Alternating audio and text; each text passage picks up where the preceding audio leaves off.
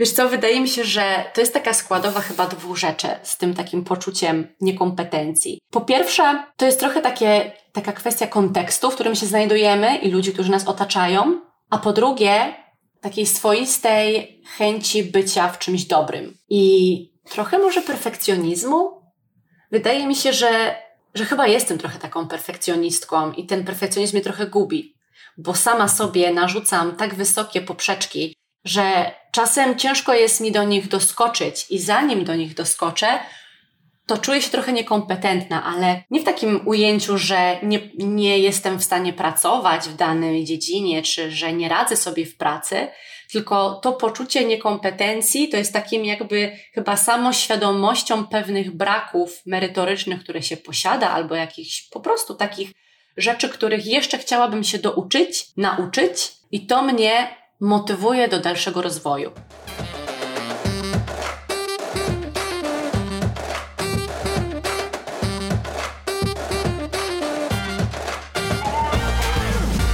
Cześć, tu Ania. Zapraszam do Pracowni Dziewczyn. Pracownia Dziewczyn to cotygodniowe rozmowy z dziewczynami i kobietami na temat edukacji. Edukacji tej szkolnej, czasem akademickiej, a już na pewno tej życiowej. Dokąd miała zaprowadzić, a dokąd zaprowadziła. O wyborach, o porażkach, o pracy kobiet, z kobietami i nad sobą. Każdy odcinek Pracowni Dziewczyn rozpoczyna się słowami cotygodniowe rozmowy z dziewczynami i kobietami na temat edukacji. Edukacji tej szkolnej, czasem akademickiej, a już na pewno tej życiowej. Dokąd miała zaprowadzić, a dokąd zaprowadziła. Słowa te mają dla mnie szczególne znaczenie. Ich zadaniem jest już na samym początku pokazać, że choć zaczynamy w punkcie A z zamiarem dość sprawnego dojścia do punktu B, nie zawsze lądujemy tam, gdzie chcemy i w jaki sposób chcemy.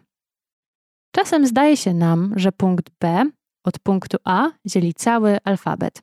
Innym razem zmieniamy zdanie i z punktu A od razu wyruszamy do C, później do D, a potem wracamy do punktu wyjścia z zupełnym pominięciem B. Zastanawiamy się nad drogą, czasem zasiedzimy się wygodnie w jakimś punkcie i ani nam się marzy wyruszać do kolejnego. Innego dnia nie mamy siły, zbaczamy, dajemy się porwać innym literom na naszej drodze, błąkamy się jakby bez celu. I może się zdarzyć taki moment, że spojrzymy na siebie na tej drodze, popatrzymy na innych i powiemy sobie: Może ze mną jest coś nie tak. Czego nie byłam do końca świadoma, rozpoczynając ten podcast, to to, że trafię do słuchawek osób, z którymi słowa o niestandardowo wijącej się ścieżce bardzo rezonują. Rezonują do tego stopnia, że dziewczyna na drugim końcu świata zasiada przed komputerem, aby napisać do mnie m.in. takie słowa. Moja droga życiowa najbardziej przypomina chyba górską, wyboistą, bardzo pokręconą ścieżkę, co chwilę ocierającą się o przepaście. Podążanie nią wymaga wiele uwagi, wysiłku i determinacji, lecz jednocześnie rozpościera się z niej całkiem niezły widok. Dzięki Twojemu podcastowi poczułam, jak blisko memu sercu są te wszystkie kobiety i to, że postanowiły nie wpisywać się w schematy, tylko podążać swoją drogą, ze swoim przeznaczeniem, bez względu na swój wiek i wykształcenie. Może jednak nie tylko ja jestem, cytuję, dziwna, lecz jestem taka, jaka właśnie powinnam być. To słowa Kingi Droszcz, która łączy się dziś ze mną z Toronto. Kinga pochodzi z Krakowa, jest absolwentką kierunków biotechnologia i zarządzanie projektami.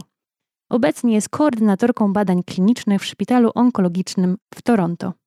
Kinga ma 33 lata i jak mówi, przebranżawiała się dwa razy. Mieszkała w Turcji, Hiszpanii, na Cyprze, Malcie i we Włoszech głównie ze względu na swoją pracę w turystyce.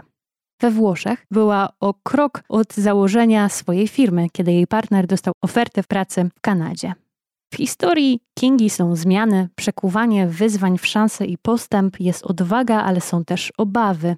Wypadek narciarski, który miał miejsce w szczytowym momencie jej kariery instruktorskiej oraz, cytuję, poczucie bycia niewystarczająco dobrym naukowcem wśród biotechnologów i niewystarczająco dobrym podróżnikiem wśród pilotów i przewodników. Jednak mimo zwątpień, Kinga nie przestaje działać. Jej przyjaciółka Monika Grzelak, znana ci z tego podcastu, tak mówi o Kindze. Kinga jest osobą, która nie poddaje się przeciwnościom losu i zmienia je w nowe życiowe możliwości. Ciągle chce się doskonalić, zgłębiać swoją wiedzę i robi zmiany w swoim życiu, które wymagają wiele odwagi i samozaparcia. Podziwiam ją za tę odwagę właśnie, dystans do siebie i umiejętność zamieniania przeszkód w możliwości. Obecnie Kinga za cel obrała sobie zostanie menadżerką projektów w Clinical Research, czyli dziedzinie nauk medycznych, która określa bezpieczeństwo i skuteczność leków, urządzeń czy schematów leczenia. No a także stworzenie bloga o tej tematyce, ale i zawodowej transformacji Kingi. Ponoć słowa usłyszane w pracowni dziewczyn, aby już przestać się zastanawiać, co wyjdzie z pomysłu na bloga i po prostu zacząć go tworzyć, zmotywowały ją do działania. Kinga Droszcz. Kingo, witam cię serdecznie w pracowni dziewczyn. Wow, witam cię Aniu. Bardzo, bardzo serdecznie. Jestem trochę, chyba trochę za nie mówiłam. No, napisałam do Moniki, bo chciał, chciałam cię hmm. zaskoczyć troszeczkę. No i myślę, że się udało. Trzymasz się tam po drugiej stronie, kochana? Trzymam się, ale wydaje mi się, że wysłuchanie takiej opowieści o sobie samej jest trochę zaskakujące, trochę magiczne, a trochę takie wręcz surrealistyczne. Okej. Okay. Takie dziwne, hmm. ale piękne. Słuchaj, napisałaś do mnie tak raz, że długiego maila oczywiście, ale takiego pełnego właśnie przemyśleń i, i takich szczątków, szczątków opowieści e, Twojej historii. Ja oczywiście musiałam tutaj troszeczkę zawrzeć, żeby Cię tak lepiej przedstawić wszystkim słuchającym. Tak jeszcze w nawiązaniu do słów Moniki, czy Ty widzisz albo powiedziałabyś o sobie na przykład, że właśnie kiedy pojawiają się na Twojej drodze jakieś wyzwania, to Ty jesteś w stanie, czy potrafisz je po prostu przekuć w nowe możliwości, w szanse, po prostu jakby w otwarcie nowych drzwi? Wiesz co, wydaje mi się, że wyzwania to jest taki moment w życiu, kiedy coś staje na naszej drodze, coś, czy to do, coś dobrego, czy to coś złego, ale to coś sprawia, że musimy zareagować. I jeżeli nie zareagujemy z drugiej strony, to zatrzymujemy się. A o to chodzi w życiu i o to chodzi w naszej drodze życiowej, żeby iść do przodu.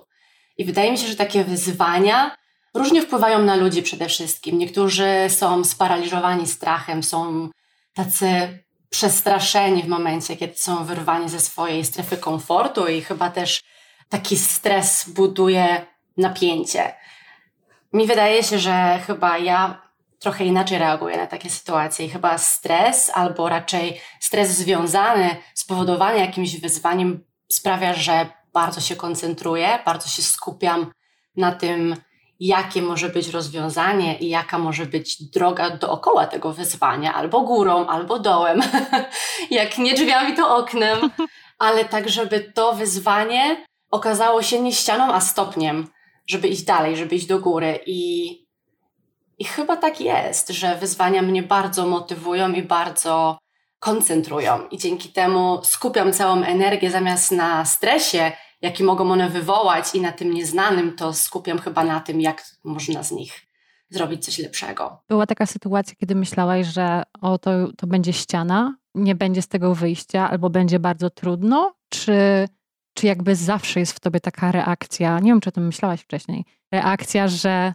wyjdę stąd, Chyba w pierwszej fazie jest zawsze taka blokada. O Jezu, no to z tego to już się na pewno nie wygrzebie. to już na pewno jest chyba ostateczna ściana i dalej już chyba nie ma drogi. Ale no właśnie, to taka pierwsza myśl, ale później, jak nabiera się trochę dystansu do tego, to wtedy zaczyna zauważać się e, rozwiązania, wtedy zaczyna się zauważać różne inne wyjścia z danej sytuacji i, i chyba finalnie nie chciałabym skłamać, mówiąc, że jestem w ogóle nad człowiekiem, ze wszystkim sobie daję radę, ponieważ jakby znalezienie rozwiązania na każdym, na każdym etapie wymaga dużo energii i czasem tej energii mamy więcej, czasem tej energii mamy mniej z różnych powodów, więc czasem te rozwiązania przychodzą nam szybciej, a czasem wolniej. Ale wydaje mi się, tak patrząc wstecz, że chyba, że chyba jednak te rozwiązania przychodzą mi w miarę aktywnie i sprawnie.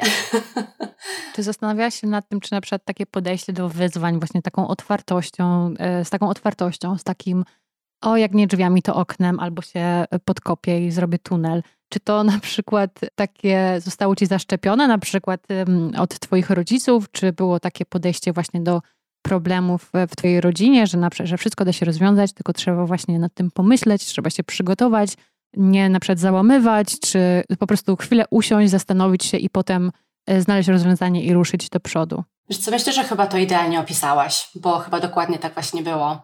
Przede wszystkim to, co wyniosłam z domu, to jest to, że nic nie dzieje się samo i nic nie spada ci z nieba. Pieniądze nie rosną na drzewie, nic nie przychodzi samo. Na wszystko trzeba zapracować i żeby na coś sobie zapracować, to trzeba się do tego dobrze przygotować.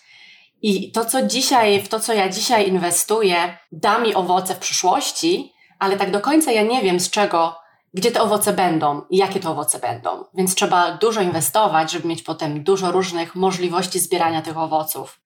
I wydaje mi się, że ta chwila takiego zatrzymania przed podjęciem jakichś pochopnych decyzji albo pochopnych akcji jest ważna i chyba to właśnie nauczyła mnie moja rodzina, nauczyła mnie moja mama i mój tata, że na wszystko znajdzie się rozwiązanie, tylko trzeba na spokojnie to przemyśleć zastanowić się, jakimi narzędziami dysponuję i kilka różnych opcji mieć.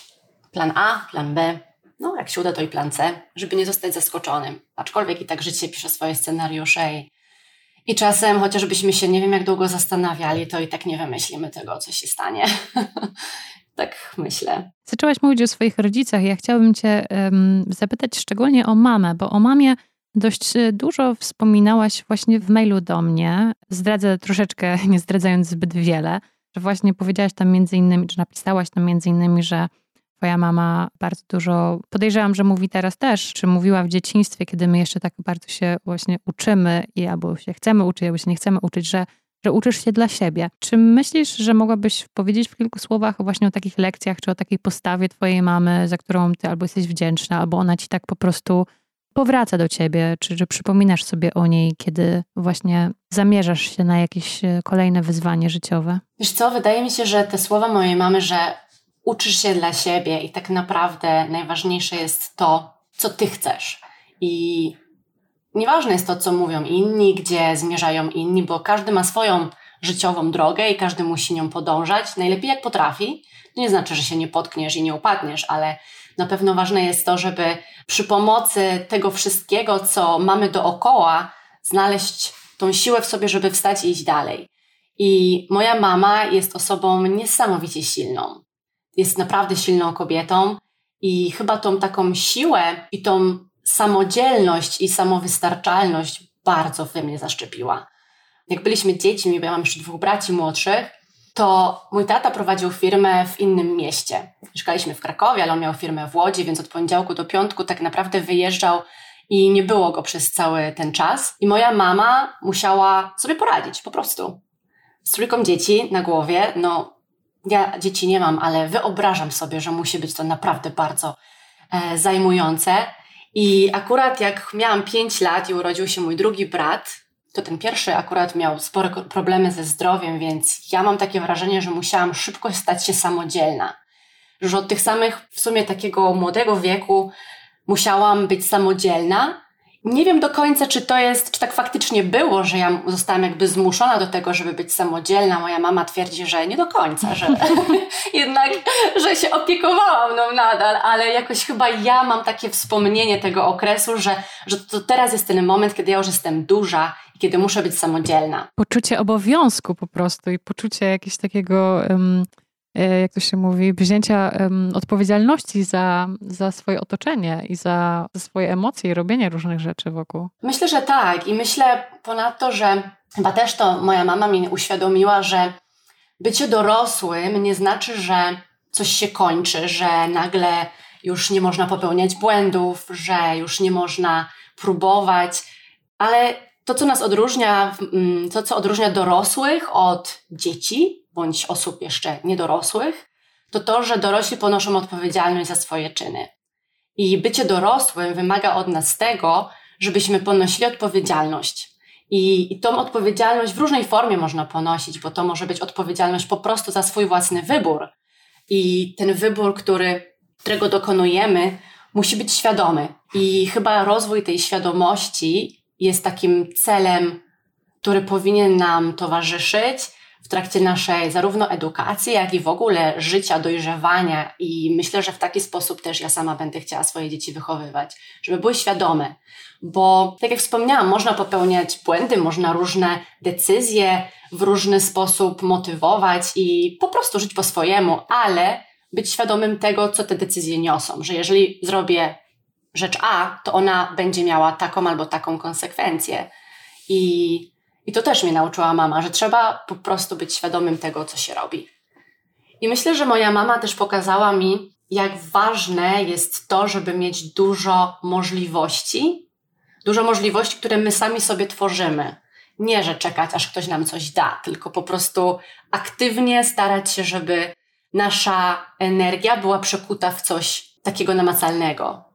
Na przykład dyplom ukończenia studiów albo coś, co ja sobie sama na przykład na coś zapracowałam i kupiłam, jakąś, nie wiem, ładną sukienkę, ale to jest coś, co ja stworzyłam sama, tak? Tą wartość dla mnie. I moja mama jest osobą bardzo inteligentną. Pamiętam jak co, co w ogóle jest zaskakujące, bo jak na studiach miałam matematykę wyższą, którą z moją trochę, no, różnie bywało z moją cierpliwością, ale nie miałam cierpliwości do rozwiązywania tych, tych po prostu kilometrowych zadań z macierzy, z pochodnych całek. I jak dochodziłam do samego końca i widziałam, że jest błąd, w sensie nie wychodziło mi takie rozwiązanie, jakie było w książce, że ma wyjść.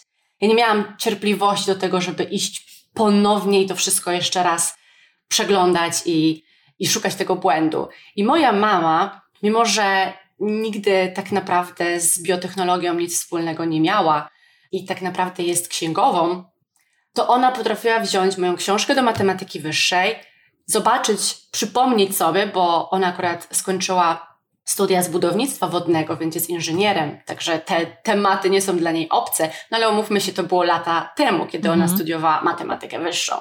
Brała książkę, sprawdzała tam mniej więcej, żeby sobie coś przypomnieć i ona szukała moich błędów. I to było dla mnie niesamowite, jak można po tylu latach, podajmy na to dwudziestu paru latach, takie rzeczy jeszcze pamiętać i umieć zrobić, co ja w tym momencie mam z tym problem. Więc chyba to takie bardzo spokojne podejście do różnych trudności, i myślę, że chyba tak jak kiedyś tej, tej e, cierpliwości nie posiadałam, tak teraz chyba może z wiekiem, albo może z kolejnymi lekcjami życiowymi ta cierpliwość gdzieś zostaje wypracowana. Albo, albo może, powiem lepiej, pracuję nadal nad nią. Długa droga jeszcze. Tak sobie głowie układałam właśnie pytanie, wracając do tego, co powiedziałaś, e, co twoja mama powiedziała tobie w dzieciństwie, czy mówiła tobie w dzieciństwie, że E, nie tylko jak się jest dzieckiem można popełniać błędy, tylko że dorośli też mogą popełniać błędy i potykać się i próbować i eksperymentować i tak dalej. I chciałam Cię zapytać o to, czy Ty na przykład widziałaś mamę, czy widzisz ją nadal próbującą robić różne rzeczy, ale wydaje mi się, że chyba trochę odpowiedziałaś na moje pytanie, bo sobie wyobraziłam Twoją mamę z książką e, Twoją od matmy, próbującą właśnie prześledzić tok Twojego rozumowania, całe tutaj równania i tak dalej i, i znaleźć coś, to to myślę, że twoja mama ma chyba taką smykałkę do eksperymentowania, próbowania, jakby nie, nie tylko bycie takim, wiesz, dorosłym i no jestem dorosłym, już nie muszę, nie? Wiesz co, myślę, że moja mama jest bardzo odważna w tym wszystkim, ponieważ kurczę, ja mieszkam na drugim końcu świata i tak naprawdę mamy ze sobą cały czas kontakt. Ale żeby tak było, to ona musiała się nauczyć tego wszystkiego, tego całego internetu, co dla, co jakby nie jest, nie jest jej potrzebny do niczego, prawda? Ale dzięki temu, że, że potrafi na przykład, e, nie wiem, wygooglować sobie coś albo korzystać z Whatsappa i masę różnych rzeczy, bo tak naprawdę również jej praca w tym momencie wymagała to, że, tego, że musiała się wielu rzeczy nauczyć takich typowo informatycznych, no to myślę, że nie ma dla niej rzeczy niemożliwej. I to jest niesamowite, bo pamiętam, jak opowiadała mi, że w kwestiach zdobywania grantów unijnych czy jakichś dofinansowań unijnych musiała zrobić coś, czego nigdy nie robiła, aby firma, dla której pracuje, dostała takie dofinansowanie unijne. I ona tak naprawdę potrafiła, jakby mając cel, to co jest do osiągnięcia, to co trzeba osiągnąć, rozłożyć na czynniki pierwsze i zobaczyć, co do tego osiągnięcia celu jest potrzebne i jak te narzędzia zdobyć. Więc, więc to jest taki element świadomości, że cały czas pojawiają się nowe rzeczy, których trzeba się nauczyć. I na przykład moja mama świetnie jeździ na nartach, bo stwierdziła, że inaczej nas nie dogoni.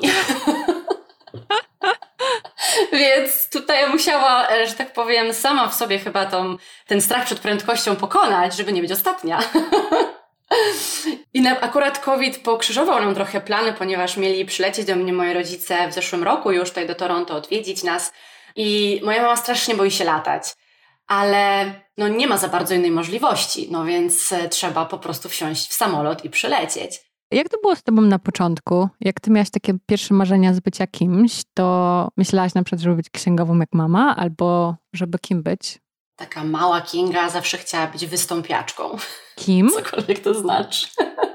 wystąpiaczką. Czy w sensie taką artystką występującą, czy? Wiesz co, ja tak podobno o sobie mówiłam, że ja jestem wystąpiaczka, ale czym to miało być tak naprawdę w przyszłości, tego chyba do końca sama wtedy nie wiedziałam. Okej. Okay. To chyba tak teraz to widzę i tak, tak myślę, że chyba chodziło mi wtedy o to, że po prostu chciałam być osobą aktywną, bo byłam bardzo aktywnym dzieckiem, takim bardzo kreatywnym, bardzo zdolnym, bardzo takim po angielsku bym powiedziała driven, takim, że sama z własnej inicjatywy robiłam dużo różnych rzeczy, tylko ja tak naprawdę nie miałam pojęcia, kim ja chcę być. Ja przez długo, długo nie miałam pojęcia, kim ja chcę być, bo chyba ta możliwość wyboru, że tak naprawdę możesz być kim tylko chcesz, czasami ma efekt taki chyba trochę przeciwny, że my zamiast cieszyć się, wow, ile mam możliwości, to to jest takie trochę przerażające dla nas. To jest bardzo ciekawe, co mówisz, bo ja, e, były takie momenty u mnie w życiu, kiedy ja myślałam, że wielość wyborów, które mam przed sobą, jest paraliżująca. Tak,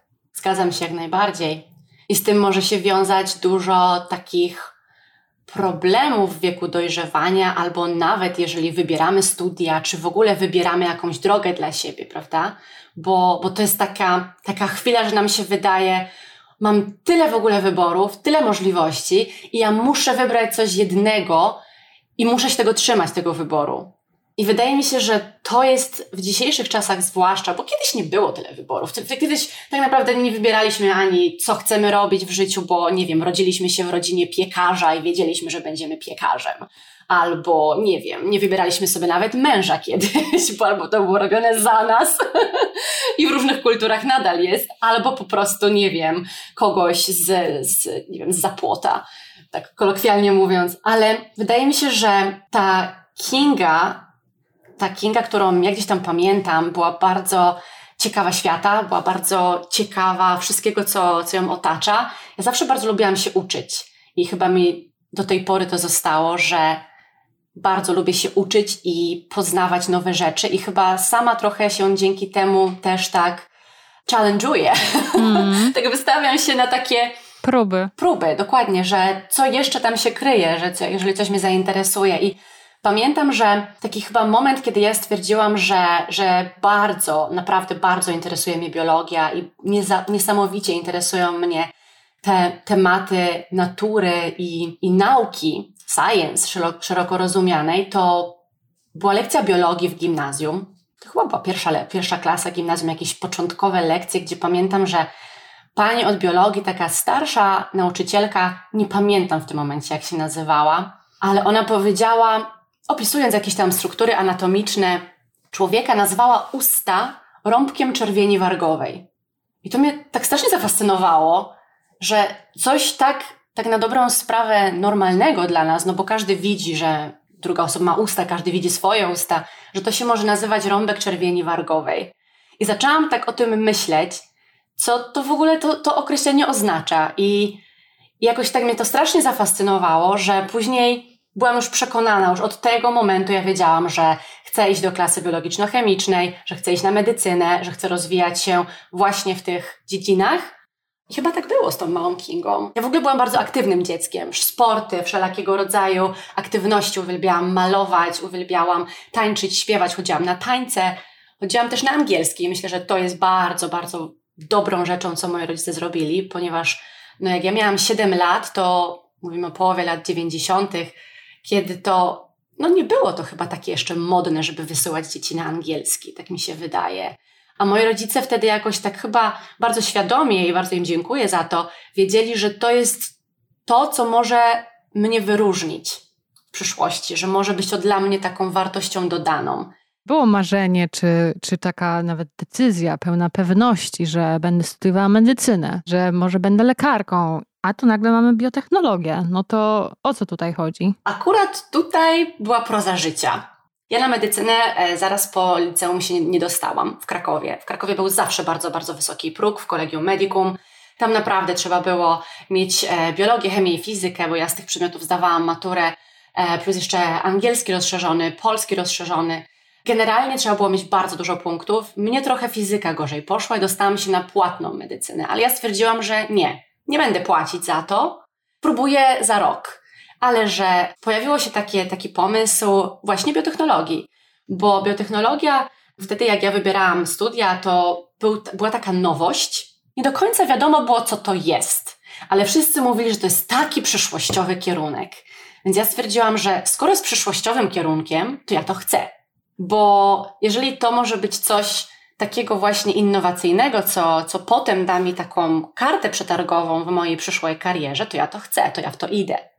Rok później aplikowałam na medycynę do Katowic, gdzie dostałam się na medycynę i poszłam, faktycznie poszłam na medycynę. Wzięłam dziekankę na biotechnologii, poszłam na medycynę. I to był niesamowicie fascynujący rok mojego życia. Ale tylko rok. tylko rok, ponieważ sama z medycyny zrezygnowałam. To jednak nie do końca jest to, co ja chcę.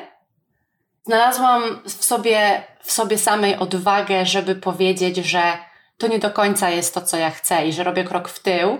To nie jest, że straciłam rok czy dwa swojego życia studenckiego czy edukacyjnego. Po prostu ta zmiana, czym jest w ogóle, czym jest rok w, w obliczu wieczności? to jest po pierwsze.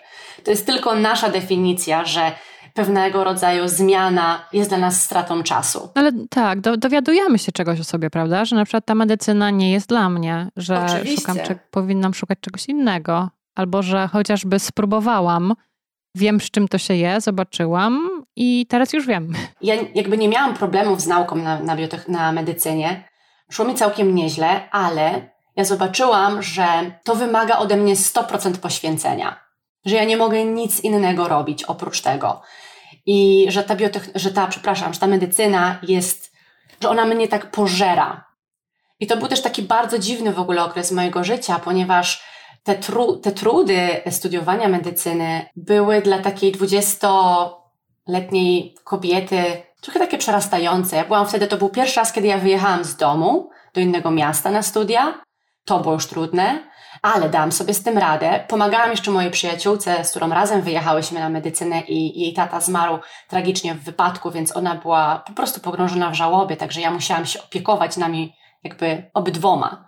Musiałam zagrzewać nas do nauki, gotować, sprzątać, jakoś dawać nam taką, taką wiesz, takiego, taką werwę do, do tego, żeby iść do przodu.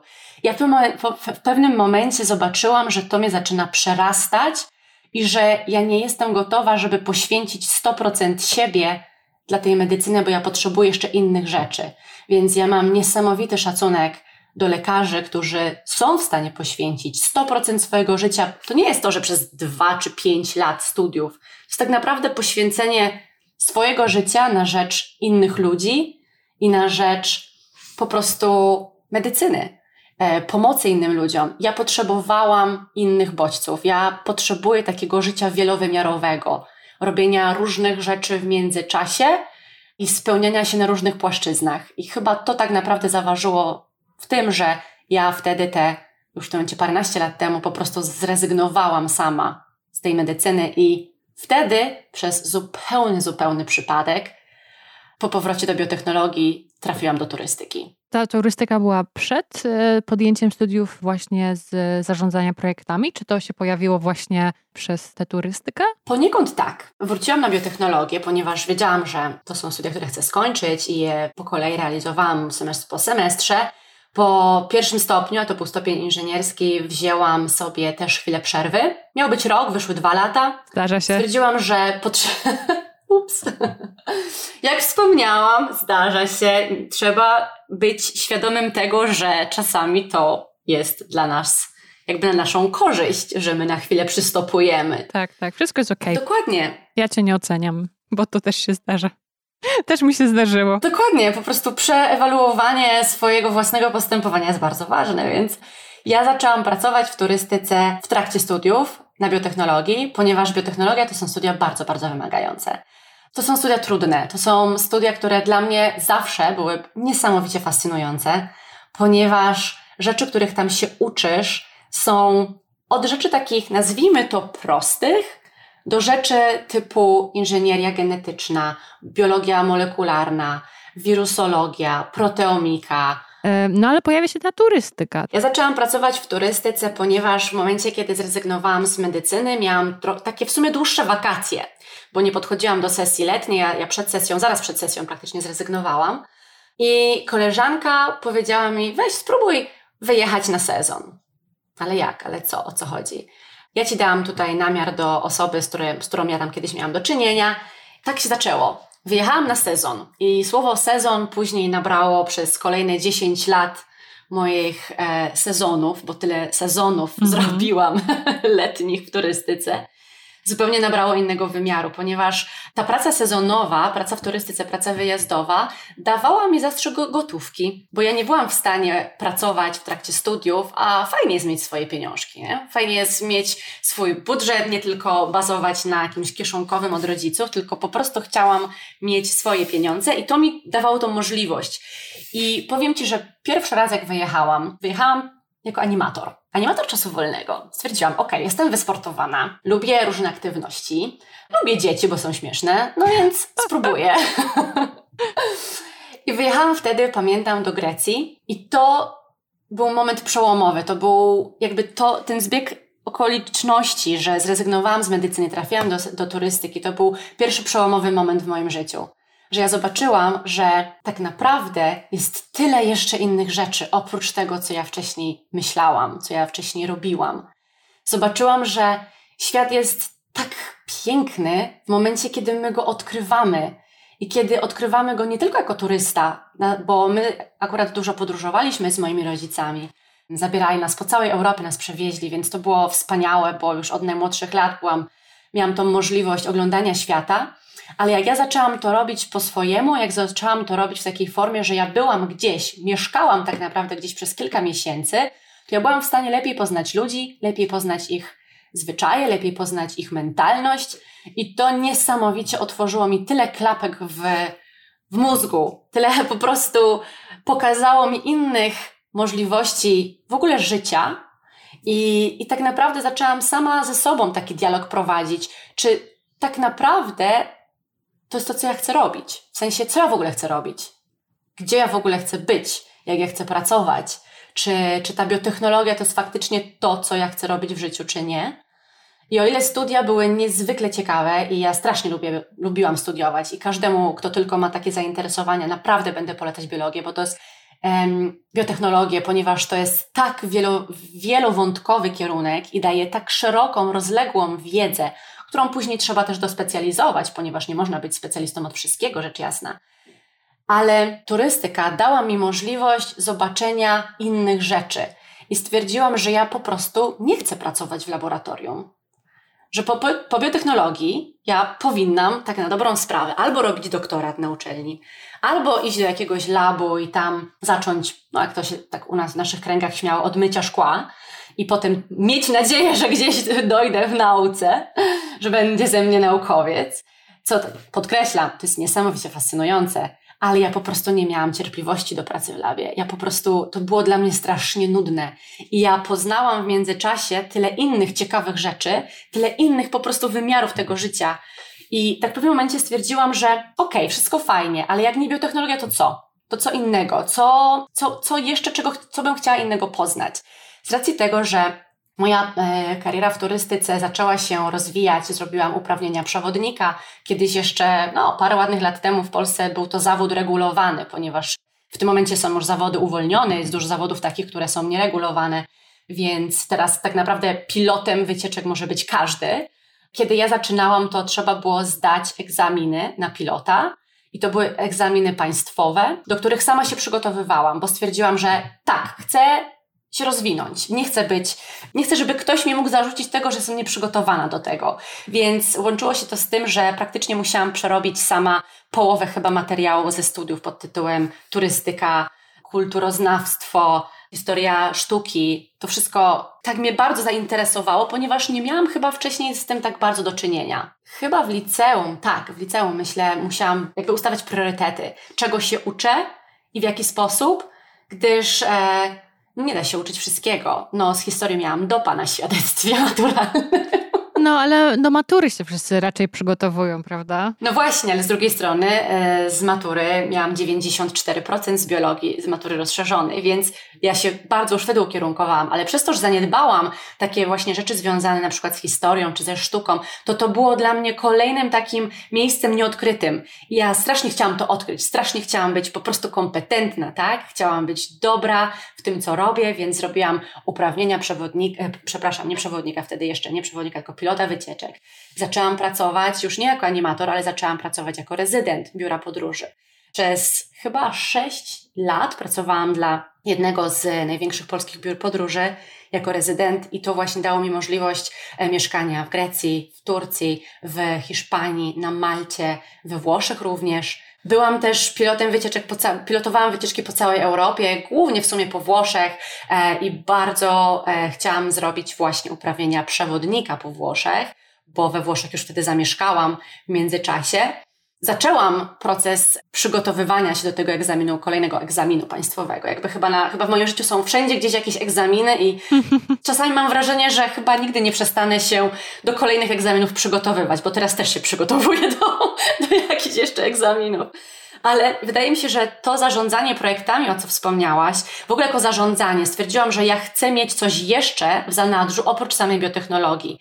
Że brakuje, jakby może uświadomiłam sobie, czego mi jeszcze brakuje, żeby móc się dalej rozwijać. Czyli chyba zrobiłam to, co tak naprawdę uczyła mnie moja mama zawsze. Zastanawiałam się, jaki chcę mieć cel, albo raczej starałam się zwizualizować cel, jaki chcę osiągnąć, rozłożyć go na czynniki pierwsze, żeby zobaczyć, co mi do tego jest potrzebne, i później zacząć do tego dążyć. Zarządzanie było takim dopełnieniem.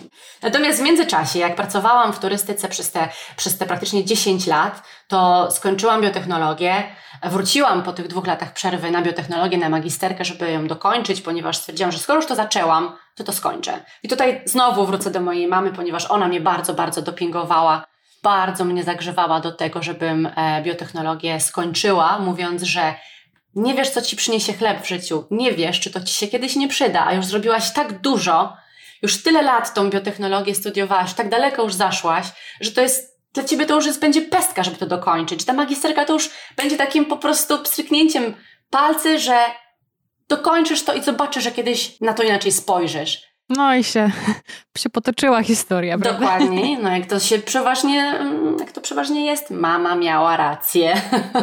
A powiedz mi, Kinga, czy po tych wszystkich podróżach i mieszkaniu w różnych miejscach i przeżywaniu e, najróżniejszych doświadczeń, poznawaniu ludzi mieszkających właśnie e, lokalnie w różnych miejscach, brakuje ci czegoś z tego życia, będąc teraz w Kanadzie i będąc w takim innym, nowym rozdziale swojego życia? Hmm. To nie jest takie brakowanie, że, że zrobiłabym wszystko, żeby do tego wrócić, ponieważ ja podjęłam decyzję, że, że kończę moją karierę w turystyce ona trochę była podjęta za mnie, ale też trochę jakby świadomie do tego dążyłam, ale trochę się sama tego obawiałam, tego końca, bo skończyłam studia biotechnologiczne i tak trochę to odwiesiłam na haczyk. Ta biotechnologia gdzieś na takim haczyku została gdzieś odwieszona i ja sobie sama mówiłam, że kiedyś do tego wrócę, że to może jeszcze poczekać, a tak do trzydziestki jeszcze pojeżdżę, odłożę sobie kasę, kupię sobie mieszkanie i potem wiesz, jakoś to będzie, tak? Natomiast turystyka i ten okres w moim życiu to jest najpiękniejszy okres, jaki mogłam mieć. Wydaje mi się, że mimo, że to się jakoś tak zupełnie nie trzyma kupy, wydaje mi się, że tak na pierwszy rzut oka można by stwierdzić, że moje życie jest jakieś takie rozczłonowane, że tutaj nie ma jakiegoś sensu w tym, że jest trochę tego, trochę tamtego, trochę jeszcze szczypta tamtego, trzeciego. Ale wydaje mi się, że to wszystko razem się w taką jedną całość zamyka w tym momencie. Natomiast decyzja o końcu mojej pracy w turystyce została przypieczętowana w momencie, kiedy e, miałam wypadek. Wypadek e, na nartach trakcie sezonu. Oczywiście jeździłam tam, gdzie jeździć się nie powinno, ponieważ e, już jeżdżenie po trasach nie było dla mnie wystarczające. Ja potrzebowałam trochę więcej adrenaliny i przez wiele wcześniejszych lat już rozwijałam się w takich bardziej ekstremalnych formach narciarstwa i po prostu pewnego pięknego popołudnia, jeżdżąc sobie z chłopakami e, po żlebach, no urwałam sobie więzadła w kolanie. Niestety but się nie wypiął, wypięło się kolano. No i wtedy co tu zrobić, bo kurczę, moja praca wiązała się z tym, że jakby zaangażowane w to było moje ciało. I to nie tylko na nartach, ale także w lecie, kiedy ja musiałam fizycznie być obecna w danym miejscu, musiałam chodzić, jeździć, musiałam przede wszystkim wyjechać i mieć sprawne ciało do pracy. No więc tutaj pojawił się problem, ponieważ ja byłam praktycznie na pół roku przykuta do łóżka, chodziłam o kulach, musiałam chodzić na rehabilitację, praktycznie codziennie na siłownię, żeby e, ćwiczyć, odbudowywać mięśnie. Po prostu nie mogłam pracować. Nie mogłam wyjechać na sezon letni, zostałam uziemiona i wtedy pojawiły się takie myśli. Kurczę, no i co teraz? To okej, okay, wypadek, wiadomo, wyjdę z tego, dojdę do siebie i tak dalej, ale czy to, aby na pewno jest, e, hmm, czy to nie jest taki znak, żeby się zatrzymać na chwilę i pomyśleć o tym, co się dzieje dookoła, o swoim życiu, o tym, co bym dalej chciała robić? I i to był ten moment, kiedy ja musiałam uświadomić sobie, że ja, zwłaszcza jako kobieta, będę miała jeszcze w swoim życiu takie sytuacje, kiedy moje ciało odmówi mi posłuszeństwa, albo kiedy będę musiała bardziej skupić się na sobie samej i na swoim takim dobrostanie czy na swoim zdrowiu, bardziej niż na samej pracy. A w turystyce wyjazdowej jest tak, że jak nie wyjeżdżasz, to nie zarabiasz. Więc stwierdziłam, że kurczę, jako kobieta nawet będę kiedyś w ciąży i nie będę w stanie, czy będę miała małe dzieci i nie będę w stanie cały czas wyjeżdżać, więc muszę teraz, póki jeszcze mam na to możliwość, żeby zadziałać tak proaktywnie, pozmieniać sposób, w jaki pracuję, aby móc z tego korzystać w przyszłości. I wtedy właśnie miałam taki pomysł, aby właśnie rozwinąć tą swoją e, działalność e, we Włoszech. Niestety, niestety bądź stety, nie zdążyłam, bo pojawił się pomysł wyjazdu do Kanady. Także reasumując, myślę, że brakuje mi tego flow, ale wiesz, to może jest takie bardziej melancholiczne wspominanie fajnych czasów, ale tak naprawdę życie idzie dalej i po prostu trzeba e, pisać nowe rozdziały swojego życia i, i, do przodu. Powiedziałaś, że z boku taka droga twoja i to, co ty robisz i te różne decyzje i studia, to by się mogło wydawać, że to takie jest wszystko i nic ale że ty widzisz, że, tu, że tam jest jakiś sens, że to wszystko się układa w jakiś wzór i, i że, że to ma ręce i nogi. Ja napisałaś do mnie w mailu, że słuchając tego podcastu i słuchając dziewczyn różnych, które tutaj goszczą, że może jednak nie tylko ja jestem dziwna, lecz jestem taka właśnie, jaka powinnam być. I chciałam Cię zapytać, co się kryje pod tym słowem dziwna? Czy właśnie to jest jakieś po prostu spojrzenie na siebie oczami czy przez pryzmat innych osób? Czy ty potrafisz jakoś e, powiedzieć, kim ta dziwna osoba jest? No właśnie. Wydaje mi się, że to chyba nie jest przez pryzmat, jakby odbiór mnie samej przez pryzmat innych ludzi, bo ja to też e, rzecz, którą ja się uczyłam, nadal się uczę, ale bardzo świadomie do tego podchodzę, żeby właśnie nie szukać swojego odbicia w oczach innych ludzi, tylko że lepsze dla nas samych jest to, żeby zrobić taki, taki krok w tył, tak jakby odsunąć się od tego całego naszego życia, złapać większą perspektywę, ponieważ w tej większej, szerszej perspektywie rzeczy są lepiej widoczne. I wydaje mi się, że ta dziwność jest właśnie trochę tak spowodowana tym, że jak ja patrzę na siebie, to mogłoby się wydawać, że nie ma takiej ciągłości pewnego działania, że, że tutaj biotechnologia, potem taki niesamowity, wielki po prostu przeskok do turystyki, do, do zupełnie innych rzeczy, do, do projektów, do w ogóle do zarządzania. To są umiejętności miękkie. Biotechnologia to są umiejętności twarde, logicznego myślenia, e, wyciągania wniosków, wiedzy takiej akademickiej i przetwarzania jej na konkretne procesy. A Zarządzanie to jest umiejętności miękkie, to jest praca z ludźmi. W turystyce pracujesz tak naprawdę z ludźmi i pracujesz ludźmi. I, I to jest coś takiego, co mogłoby się wydawać, że jestem dziwna, i mnie się samej tak wydaje, że jestem dziwna, przez to, że nie idę taką jedną obraną trasą. I przez to, że nie skończyłam studiów, od razu nie wyszłam za mąż, nie od razu urodziłam dzieci, w międzyczasie jeszcze kariera, tylko że ja tak, tak właśnie dziwnie trochę, jakoś tak gdzieś jest ta droga, ale jest tyle jeszcze takich pobocznych ścieżek, które warto jest w sumie przedeptać, bo one mogą być ciekawe. I gdzieś te wszystkie ścieżki tak trochę sprawiają, że okej, okay, też zajmuje czas przejście takich ścieżek, ale gdzieś w tym wszystkim, kurczę, właśnie, zobaczyłam na Twoim podcaście, że są dziewczyny, są osoby, które dokładnie tak jak ja widzą to, że to nie tak, że trzeba iść tą jedną taką wytoczoną drogą, bo tak naprawdę kto zdecydował, jaka to jest droga? Kto jakby decyduje o tym i kto w ogóle ma czelność decydować o tym, co my po kolei w życiu musimy robić, że wcale tak nie jest. I mi się wydawało, że jestem dziwna, ponieważ obserwując ludzi w moim otoczeniu, mało kto w ogóle coś takiego robił. To znaczy, jak byłam, jak studiowałam, to osoby, z którymi studiowałam, później właśnie poszły na doktorat albo do pracy w różnego rodzaju laboratoriach czy w różnych firmach, ale zawsze skoncentrowanych e, w kręgu właśnie science. A na przykład osoby, z którymi pracowałam w turystyce, były zupełnie w ogóle z innej bajki. Były to osoby po zupełnie innych kierunkach studiów, właśnie chociażby po, miałam koleżankę po antropologii, po różnego rodzaju filologiach, po historii. I jakby ja gdzieś tak pomiędzy tym wszystkim czułam się taka trochę dziwna, bo i nie pasowałam do końca do jednej bajki, i trochę odstawałam od tej drugiej bajki. Jak się rozejrzysz, no właśnie, jak, jak zrobisz krok w tył, tak spojrzysz na siebie z perspektywy i rozejrzysz się dookoła, bo jak mamy większą perspektywę, to też zauważamy rzeczy, które są gdzieś tam bardziej po bokach, na, na przykład właśnie innych ludzi.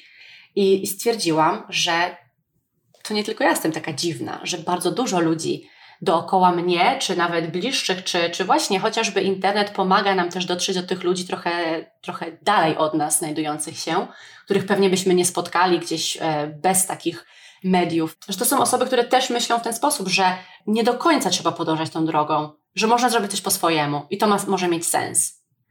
Teraz, jak jestem tutaj przy tym stoliku i rozmawiam z Tobą, to wydaje mi się, że to jest właśnie ten moment, kiedy może nie, że dziś, ale, ale w ogóle to, jak jestem teraz w Toronto, w Kanadzie i pracuję w badaniach klinicznych, jestem koordynatorem badań klinicznych, to to wszystko, co ja wcześniej zrobiłam w swoim życiu, te niestandardowe decyzje, które podejmowałam, ale to się wszystko splata w jedną całość, bo pracuję w branży science, ale nie pracuję w laboratorium, czyli dokładnie osiągnęłam to, czego nie chciałam. Może tak, nie osiągnęłam tego, czego nie chciałam. Czasami to, co może nam pomóc iść dalej do przodu, to uświadomienie sobie tego, czego nie chcemy. I mimo, że nie miałam konkretnego celu, żeby mieszkać w Toronto i pracować w badaniach klinicznych, to nigdy nie było moim celem. Tak naprawdę, gdybyś powiedziała mi pięć lat temu, że tak będzie wyglądać moje życie, to bym cię wyśmiała, bo to było tak zupełnie nieprzewidywalne i tak zupełnie nieplanowane, ale to w tym momencie właśnie się wszystko spina. Tak, pracowałam w turystyce, Mieszkałam we Włoszech, ponieważ w międzyczasie poznałam swojego obecnego męża Włocha, który, który zainspirował mnie do tego, że może by spróbować przeprowadzić się do Włoch. W sensie, okej, okay, związek na odległość jest fajny, ale, ale on jest jakby możliwy do pewnego momentu. Więc ja zaryzykowałam. Stwierdziłam, okej, okay, mnie jest łatwiej przeprowadzić się do Włoch, ponieważ no, w tych Włoszech pracuję, dużo czasu spędzam we Włoszech i w sumie stwierdziłam, a co mi tam, nauczę się, nauczę się języka, nauczę się włoskiego i mieszkając we Włoszech, kiedy mój, e, to już po kilku latach naszego związku, kiedy e, mój mąż dostał propozycję e, z pracy przeprowadzki do Kanady, to przede mną znowu powsta- jakby powstało pewne wyzwanie, stanęło pewne wyzwanie. Miałam już plan. Moim planem było to, żeby pozostać w turystyce, bo niestety okazało się we Włoszech, że nie za bardzo mam jak wrócić do nauki, do branży naukowej, bo jestem Polką, a niestety imigracja nie zawsze ma same plusy i nie jest zawsze tylko w kolorowych barwach. Imigracja jest bardzo trudnym procesem. I ja bardzo chciałam, już wtedy miałam pierwszy raz taki pomysł, że a może badania kliniczne bym spróbowała. Mam kilka osób bardzo mi bliskie, które pracują w badaniach klinicznych i wiedziałam mniej więcej, jak one wyglądają. Dlatego też stwierdziłam, że to może być dla mnie ciekawe. Ale okazało się, że we Włoszech nie jest to za bardzo możliwe, bo musiałabym wrócić po raz kolejny na studia, na dwa lata przynajmniej, zrezygnować całkowicie z pracy, czyli jakby pozbawić się zarobku, pozbawić się po prostu płynności finansowej i jeszcze zainwestować w te studia, ponieważ studia we Włoszech są płatne. I ja stwierdziłam, że ja już nie mam na to czasu, że jakby bez sensu, że to jest zły wybór. Ale idąc do przodu, stworzyłam nowy plan. No właśnie, że właśnie otworzę swoją, swoje biuro podróży, swoją agencję turystyczną, że zupełnie inaczej to sobie poukładam i zupełnie inaczej to sobie stworzę. I wtedy właśnie ten pomysł, to wyzwanie kolejne, Kanada. I powiem Ci szczerze, że ja często podążam za takim swoim wewnętrznym głosem. Zastanawiam się, co ja czuję w tym momencie, kiedy podejmuję decyzję, albo jakie, jakie emocje towarzyszą mi, jak myślę, że mam jakąś decyzję podjąć. I mimo, że zupełnie to była w ogóle wyrwana z kontekstu propozycja dla mnie, żeby jechać do Kanady, to pomyślałam, że to jest taki spokój, że czuję taki spokój, jak tę decyzję podejmowaliśmy, że przenosimy się do Kanady, że gdzieś w tym musi być jakiś, nie wiem, może ukryty sens, może jakaś głębia. I tutaj, jak się przeprowadziliśmy, to się z kolei okazało, bardzo szybko zweryfikowałam to, że nie jestem w stanie odtworzyć tego, co robiłam w Europie, bo sama turystyka wygląda tutaj zupełnie inaczej. Ale Kinga, wiesz co? Powiedziałaś jeszcze jedną rzecz, która mi się teraz przypomniała, a propos tego bycia w różnych bajkach i to, że właśnie te osoby, z którymi pracowałaś turystyce to była jedna bajka, a ludzie z biotechnologii to była taka inna, druga bajka i, i właśnie po jednej stronie były, czy są umiejętności miękkie, po drugiej takie bardziej twarde, że ty no, swoim, swoim życiorysem, swoimi wyborami w zasadzie to te, te dwie bajki jakoś spinasz razem. A powiedz mi, będąc dzisiaj w Toronto i właśnie no, też wykształciłaś się w Toronto właśnie w kierunku badań klinicznych, czy ty na dzień dzisiejszy czujesz się wystarczająco kompetentna w tym, co robisz, w tym miejscu, w którym jesteś? Bo przytoczyłam twoje słowa w intro, że właśnie w tym momencie, kiedy no i była ta biotechnologia i turystyka po drugiej stronie, że właśnie czasami było tak, że pojawiała się to nie, poczucie niekompetencji czy niewystarczalności w jednym środowisku, a potem w drugim. Wiesz co, wydaje mi się, że to jest taka składowa chyba dwóch rzeczy z tym takim poczuciem niekompetencji. Po pierwsze, to jest trochę takie, taka kwestia kontekstu, w którym się znajdujemy i ludzi, którzy nas otaczają. A po drugie, takiej swoistej chęci bycia w czymś dobrym. I trochę może perfekcjonizmu. Wydaje mi się, że, że chyba jestem trochę taką perfekcjonistką i ten perfekcjonizm mnie trochę gubi, bo sama sobie narzucam tak wysokie poprzeczki i tak bardzo wysoko stawiam sobie te poprzeczki i takie cele, że czasem ciężko jest mi do nich doskoczyć i zanim do nich doskoczę, to czuję się trochę niekompetentna, ale nie w takim ujęciu, że nie, nie jestem w stanie pracować w danej dziedzinie, czy że nie radzę sobie w pracy, tylko to poczucie niekompetencji to jest takim jakby chyba samoświadomością pewnych braków merytorycznych, które się posiada, albo jakichś po prostu takich rzeczy, których jeszcze chciałabym się douczyć, nauczyć, i to mnie motywuje do dalszego rozwoju. Jakby to uświadomienie sobie, że nie jestem najmądrzejsza, że nie jestem alfą i omegą, to powoduje, że podwijam rękawy i zabieram się do pracy. I chcę być kompetentna, chcę być widziana jako osoba kompetentna, cokolwiek bym nie robiła. Tylko, że ta kompetencja to jest coś, co przychodzi z czasem.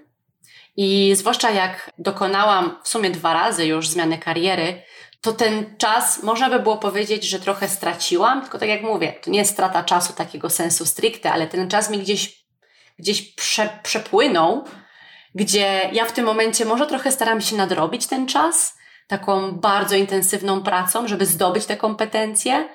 I czy teraz czuję się kompetentna? Na pewno bardziej świadoma tego, jakie kompetencje są mi potrzebne i jakie kompetencje muszę, a jakich kompetencji nie muszę mieć, ponieważ nie są one tutaj jakby decydujące o tym, co robię. Kinga, a powiedz mi, tak w temacie Twojej pracy i, i miejsca, w którym jesteś teraz i badań klinicznych, e, pojawił się w Twojej głowie pomysł napisania bloga, stworzenia bloga. Powiedziałaś mi, że to będzie i blog właśnie o badaniach klinicznych, ale też o tej Twojej transformacji, Twojej ścieżce. Czego jeszcze możemy się spodziewać e, na tym blogu i, i dlaczego, dlaczego w ogóle blog?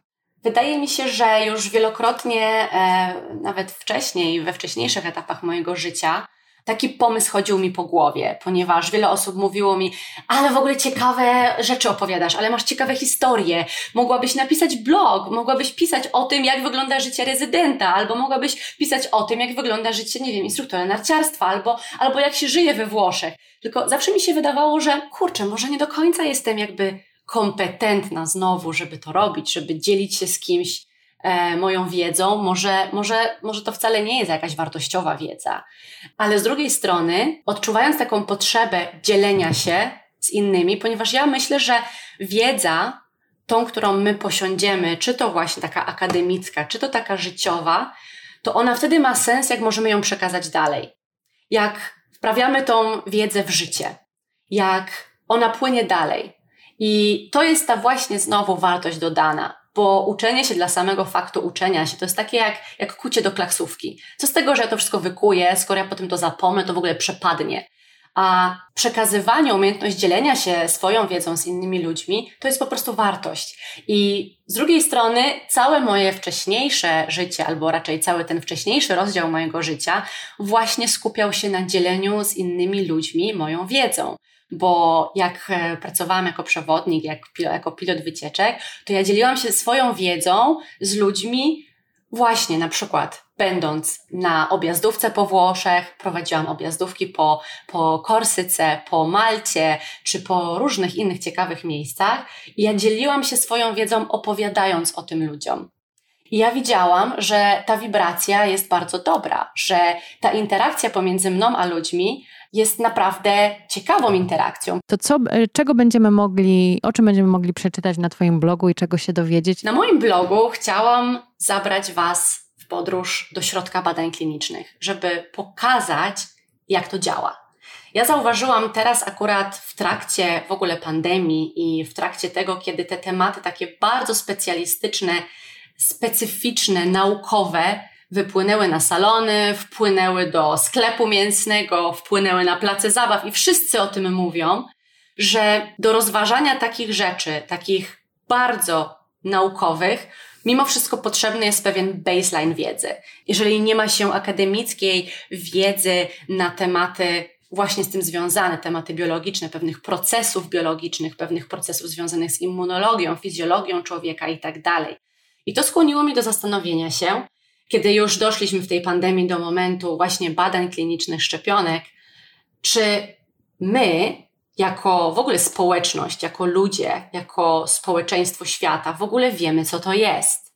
Bo zaczęło pojawiać się tyle pytań i moi znajomi bardzo często do mnie dzwonili czy pisali, bo wiedząc, że ja pracuję w badaniach klinicznych, chcieli dowiedzieć się czegoś od źródła, od osoby, która jest im w jakiś sposób bliska, która w ten sposób pracuje w tej branży.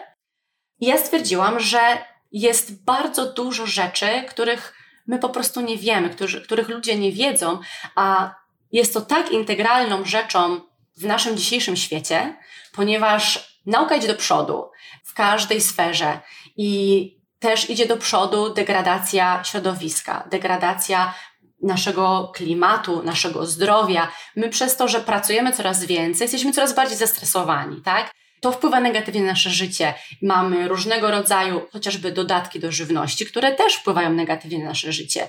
Życie też się wydłużyło, więc jest, żyjemy dłużej. Ale czy żyjemy zdrowiej? No nie do końca, bo okazuje się, że jest cały szereg, cała masa chorób cywilizacyjnych, cała masa chorób związanych, jakby będących konsekwencją naszego wysokiego rozwoju społecznego i naukowego, i za tym musi podążać medycyna. Żeby wiedza była zaimplementowana w medycynie, żeby jakiś lek mógł być wykorzystywany w leczeniu, to on najpierw musi być przebadany. I tym właśnie zajmuje się cała branża clinical research. To znaczy, ten cały proces od momentu tak naprawdę jeszcze badań przedklinicznych, gdzie ktoś odkrywa jakąś właściwość, że ta substancja ma jakąś właściwość taką ABCD, tak? I teraz musimy sprawdzić, czy to w ogóle da się wykorzystać, czy to się da jakby, opatent, jakby czy to się da wykorzystać technologicznie i żeby powstał lek. Jak już mamy lek, to musimy teraz sprawdzić, czy on jest bezpieczny, czy on jest efektywny, jak go stosować, w jakich dawkach, jak często, ten cały tak zwany reżim stosowania leków musi być przebadany. I tym właśnie zajmują się badania kliniczne. To nie do końca jest tak, że firmy farmaceutyczne chcą tutaj nas wszystkich e, wykorzystać, zniewolić i żeby na nas zarobić i chcą naszego zła. Bo ta taka figura, takie jakby to była taka persona gdzieś tam wysoko, firma farmaceutyczna, to nie do końca tak działa. I ja zauważyłam w trakcie pandemii, że ludzie mają troszeczkę błędne wyobrażenie o tym, jak te procesy działają. Nie wiedzą, na czym to polega. Na przykład bardzo często po pojawiało się stwierdzenie, jak to możliwe, że w przeciągu roku przeprowadziliśmy wszystkie badania kliniczne nad szczepionkami, wprowadziliśmy je do użytku i już szczepimy ludzi. Na czym Przecież badania kliniczne trwają po 10 lat. Przecież leki na raka na przykład testuje się przez kilka lat w trzech fazach i tak dalej. Bardzo często zapominamy o tym, że w badaniach klinicznych ważne są dane. I na bazie danych my możemy pewne wnioski stawiać, nie na bazie subiektywnych odczuć, czy coś jest według nas subiektywnie dobre czy złe, czy według nas subiektywnie działa bądź nie działa. Ten proces badań klinicznych ma na celu dostarczyć nam dane, które my możemy wykorzystać, aby wyciągnąć pewne wnioski. I na przykład to, to jaka ilość danych powstała przy badaniach klinicznych nad, nad szczepionkami, tymi ostatnimi w przypadku COVID-19, to ta niesamowita ilość danych, jaka została wygenerowana z tego procesu badań klinicznych, pozwoliła nam przyspieszyć pewne kroki. Nie tracąc na jakości, nie tracąc na. Nie omijamy procesu. Dokładnie, nie omijamy procesów. My tylko, i to jest właśnie bardzo ważne tutaj, w sytuacji pewnego rodzaju wyzwania, i tym wyzwaniem stała się globalna pandemia, dobrze zarządzany projekt jest prowadzony w ten sposób, że to wyzwanie sprawia, że my zastanawiamy się, co nie działa w tym naszym procesie, który był do tej pory. Co by zmienić, co można, może da się coś zrobić lepiej i może jesteśmy w stanie coś przeewaluować i przemyśleć i jakby zregenerować i odtworzyć w inny sposób. I tak właśnie stało się w tym momencie z badaniami klinicznymi nad szczepionkami, że parę rzeczy zostało zmienionych procesowo, że dzięki temu byliśmy w stanie osiągnąć ten sam efekt, ale w szybszym czasie i byliśmy w stanie wygenerować o wiele więcej danych właśnie tego, co nam było potrzebne, ponieważ po pierwsze, przyczyna tych badań, czyli ta choroba jest bardzo szeroko, jakby szeroko rozpowszechniona. Wirus krąży po całym świecie i tak naprawdę mamy co badać, mamy na czym się jakby opierać. A po drugie, jest bardzo dużo ludzi, którzy brało udział w badaniach klinicznych. Potem taki przykład związany właśnie ode mnie z, z takiego normalnego, codziennego dnia. Ja prowadząc na przykład badanie, trzecią fazę badania klinicznego nad jakimś nowotworem, już nieważne jakim. Badanie to w trzeciej fazie na całym świecie uczestniczy w nim na przykład 6 tysięcy osób. To jest tyle. Nie 6 milionów osób, tylko 6 tysięcy osób. A w tym momencie w badaniach klinicznych nad szczepionką brało, brało udział na przykład 45 50 tysięcy w danej fazie. Więc zobaczmy, jak bardzo różni się ta ilość danych, którą, którą my pozyskaliśmy, którą my mieliśmy możliwość pozyskać.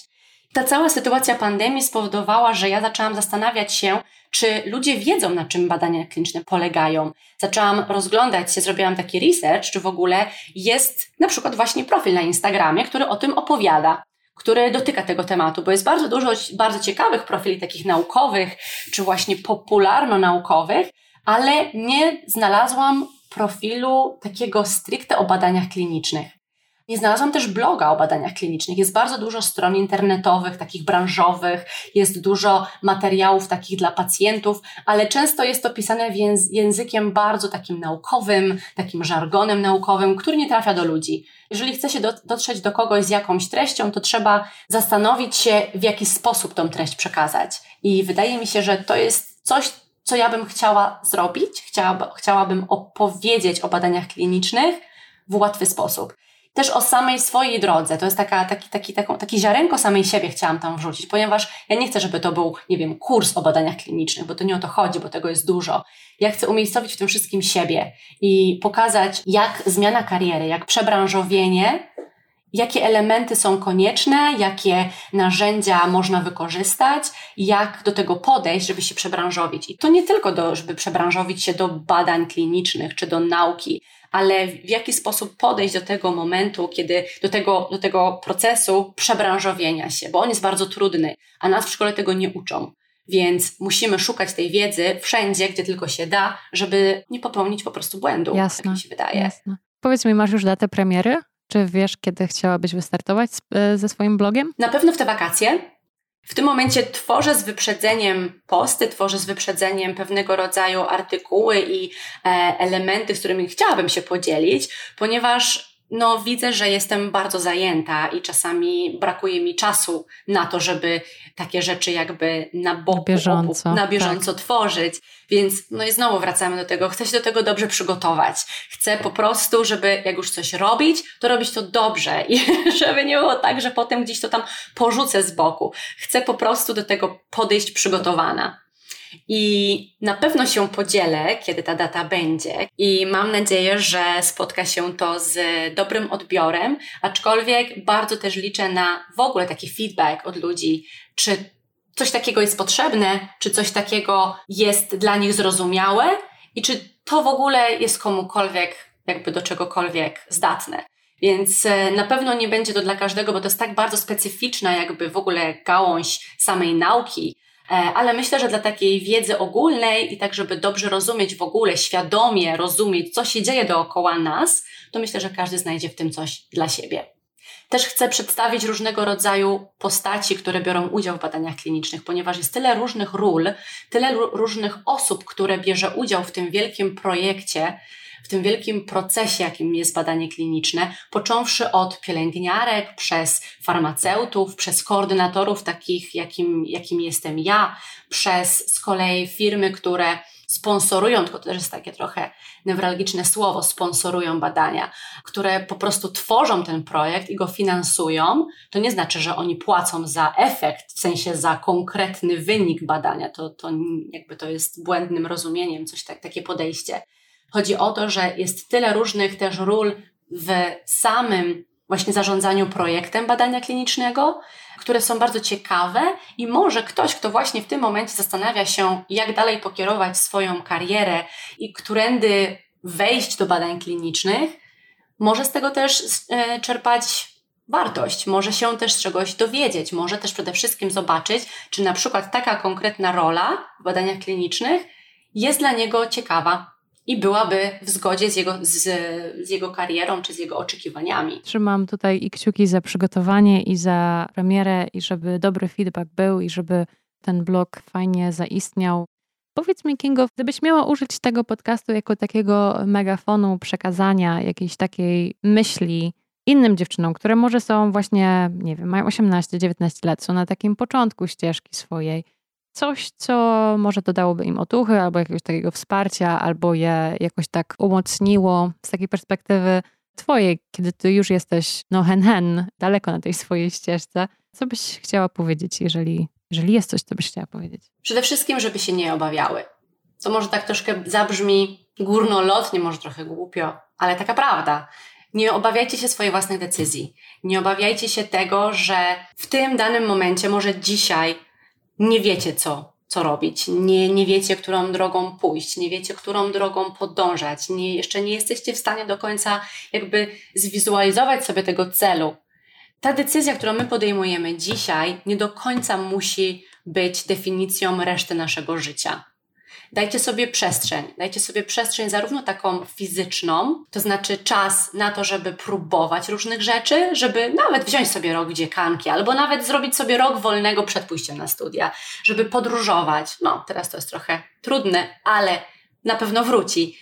Żeby podróżować, żeby poznać w ogóle życie, zanim postawimy tą kropkę nad i, ale też taką przestrzeń mentalną na to, żeby dać sobie samej takie pozwolenie na popełnianie błędów, na to, że coś mogę zmienić, że zmiana nie jest porażką, zmiana jest możliwością, jest takim opportunity, jest czymś, co może być, może nam po prostu pomóc. Kingo, czy na koniec chciałabyś dodać coś do kanonu lektur pracowni? Coś, co cię wzruszyło, albo zatrzymało, albo dało ci do myślenia, albo było fantastyczną odskocznią od życia codziennego i trosk pracy. Jasne. Ja w ogóle uważam, że ten kanon e, lektur jest świetny. Ja sama wielokrotnie sięgałam po pozycje, które zostały tutaj e, zaproponowane.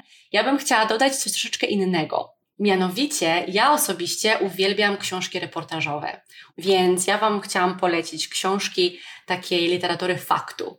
I na przykład wspaniałą książką, uważam, która bardzo otworzyła mi oczy w ogóle na temat edukacji i tego, jak, jak my może przez to, że edukacja w Polsce jest bezpłatna, jak my to take for granted, jak. Nie doceniamy. Jak my tego nie doceniamy, a jak e, to jest naprawdę trudne w niektórych miejscach na świecie. I na przykład tutaj chciałam Wam polecić książkę Tary, Tara Westover, Educated, gdzie po polsku jest to bardzo śmiesznie przetłumaczone uwolniona. Uwolniona, jak wykształcenie odmieniło moje życie. I to jest historia, to jest biografia e, dziewczyny, która urodziła się w społeczności ortodoksyjnej w Stanach Zjednoczonych i ona sama uczyła się, ponieważ ona miała jakby zakaz chodzenia do szkoły, jakby nie, nie, nie mogła chodzić do szkoły, nie mogła korzystać z usług lekarza, nie mogła iść do lekarza, mimo że przeróżne rzeczy tam się działy w jej rodzinie, wypadki, nie wypadki, to była bardzo hermetyczna społeczność, bardzo hermetyczna rodzina i ona jakby dojrzewając, rosnąc, wzrastając w takiej rodzinie, jednak znalazła tą siłę w sobie i dzięki pomocy innych ludzi dostała się nie tylko do koledżu, nie tylko zaczęła swoją edukację taką faktyczną, ale też e, w ogóle uzyskała bachelor degree w, z historii w Birmingham w University, e, Birmingham Young University.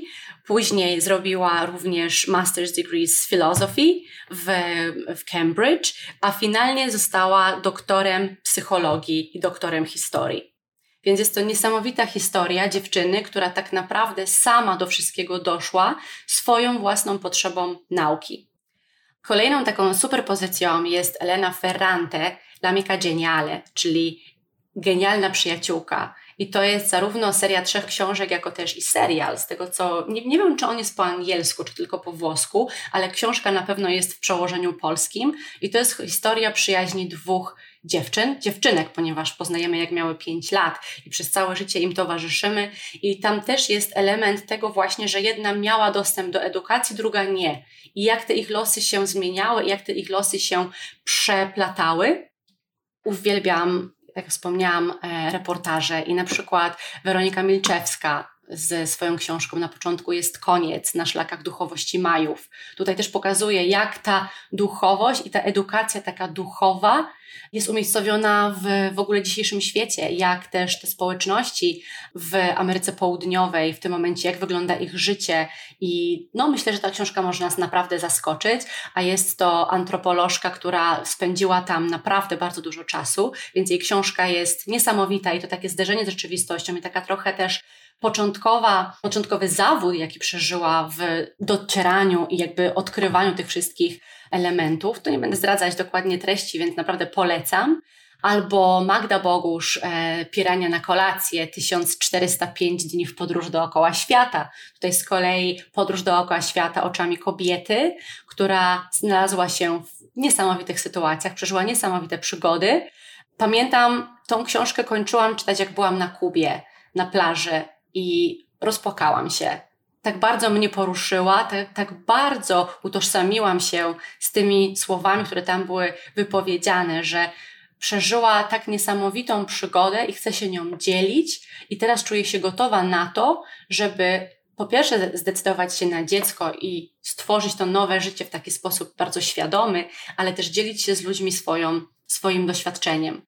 Polecam też Karolinę Bednarz z jej Kwiatami w pudełku, Japonią oczami kobiet, gdzie sytuacja kobiet w Japonii i też, no, myślę, że w wielu tak naprawdę krajach nadal jest jeszcze inna. Taka, my, my w Polsce protestujemy i walczymy o nasze prawa w tym, nazwijmy to, pierwszym świecie, ale czasami zapominamy o tym, jak daleko my już jesteśmy w tej walce i i z czym borykają się kobiety w bardziej patriarchalnych społecznościach, w bardziej patriarchalnych społeczeństwach i krajach. I mimo, że Japonia wydaje się nam tak nowoczesnym miejscem i w ogóle prawie że latające samochody, to jednak ta sfera taka społeczna jest jeszcze no, do przepracowania, myślę. Ja tak czasami, jak właśnie czytam o kobietach w różnych zakątkach świata, gdzie naprawdę ich życie jest bardzo trudne i są bardzo takie uciemiężone i nie mają wolności. Jestem wdzięczna, że urodziłam się w Polsce, jestem wdzięczna, że jestem tu, gdzie jestem i że mogę być kobietą w taki sposób, w jaki chcę. Polecam też Emily Nagoski w książce Ona ma siłę. To jest amerykańska seksuolożka i psycholożka, która opowiada o tematach, jakby opisuje tematy seksualności i takiego i samoakceptacji kobiet. Więc to bardzo serdecznie polecam, ponieważ ona ma siłę, naprawdę ona ma siłę. Naprawdę dziewczyny mamy niesamowitą siłę i w tej sile, w tym wsparciu, jakie my sobie nawzajem możemy dawać, ta siła wręcz będzie się namnażać i, i będzie nam po prostu lepiej. Myślę, że ostatnią książką, jaką chciałabym się podzielić z Wami, tylko nie wiem, czy mogę dać tutaj mężczyznę, autora. Tak, tak, możesz. To jest Mark Manson, który w książce The Subtle Art of Not Giving a Fuck i druga jego książka Everything is Fucked. Tak, one mają piękne tytuły. Zawsze Piękne wypikane, tytuły. tak. Tak, takie bardzo, bardzo, nazwijmy to, rzucające się w oczy, ale to nie jest o tym, jak po prostu to jest bardzo zwodniczy tytuł, ale tak naprawdę ta treść tej książki jest bardzo silna i mnie osobiście w momencie, kiedy było mi ciężko, to ja znalazłam tą książkę, wzięłam ją z półki, ponieważ dostałam ją od mojej koleżanki jakiś czas temu, już dosyć długi, i zaczęłam ją czytać i zrozumiałam i faktycznie prawdą jest to, że przeciwieństwem szczęścia nie jest nieszczęście, tylko brak nadziei. I my musimy sobie uświadomić pewne rzeczy, żeby prowadzić ze sobą taki dialog wewnętrzny, żeby tą nadzieję w sobie albo odbudować, albo utrzymać, albo wskrzesić. Więc myślę, że to są takie pozycje, którymi chciałabym się z Wami podzielić. Książki, którymi ostatnimi czasy się, w których ostatnimi czasy się zaczytuję i może dla kogoś będą one też taką wartością dodaną. Super, bardzo e, budująca ostatnia propozycja. Ja wszystkie, mm, wszystkie książki Zapisuję w kanonie lektur pracowni. Dziękuję Ci bardzo, Kingo, za nie i za całą rozmowę pełną e, w ogóle fascynujących opowieści o Twoich różnych wyzwaniach, e, które, tak jak Monika powiedziała, zamieniasz w nowe możliwości, historię przebranżawiania i sytuacje, które mogłyby okazać się ścianą no chyba, że usiądziemy na chwilę i zobaczymy po tym początkowym szoku, co możemy z tym zrobić i ruszyć do przodu. Kingo, dziękuję Ci serdecznie za rozmowę. Dziękuję ślicznie. Nie bójmy się dziewczyny, idźmy do przodu. I nawet jeżeli za cenę chwilowego zatrzymania, chwilowego postoju, zobaczycie, że czasami warto jest się zatrzymać, żeby potem ruszyć szybciej do przodu.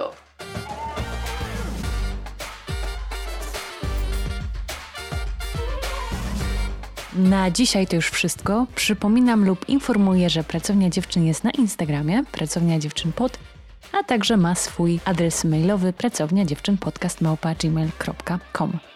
Może napisać na ten adres z refleksją, czy polecić potencjalną rozmówczynię do podcastu. A w kolejny czwartek mamy finał trzeciego sezonu. Coś niesamowitego, jak ten czas pędzi. Mam nadzieję, że do usłyszenia.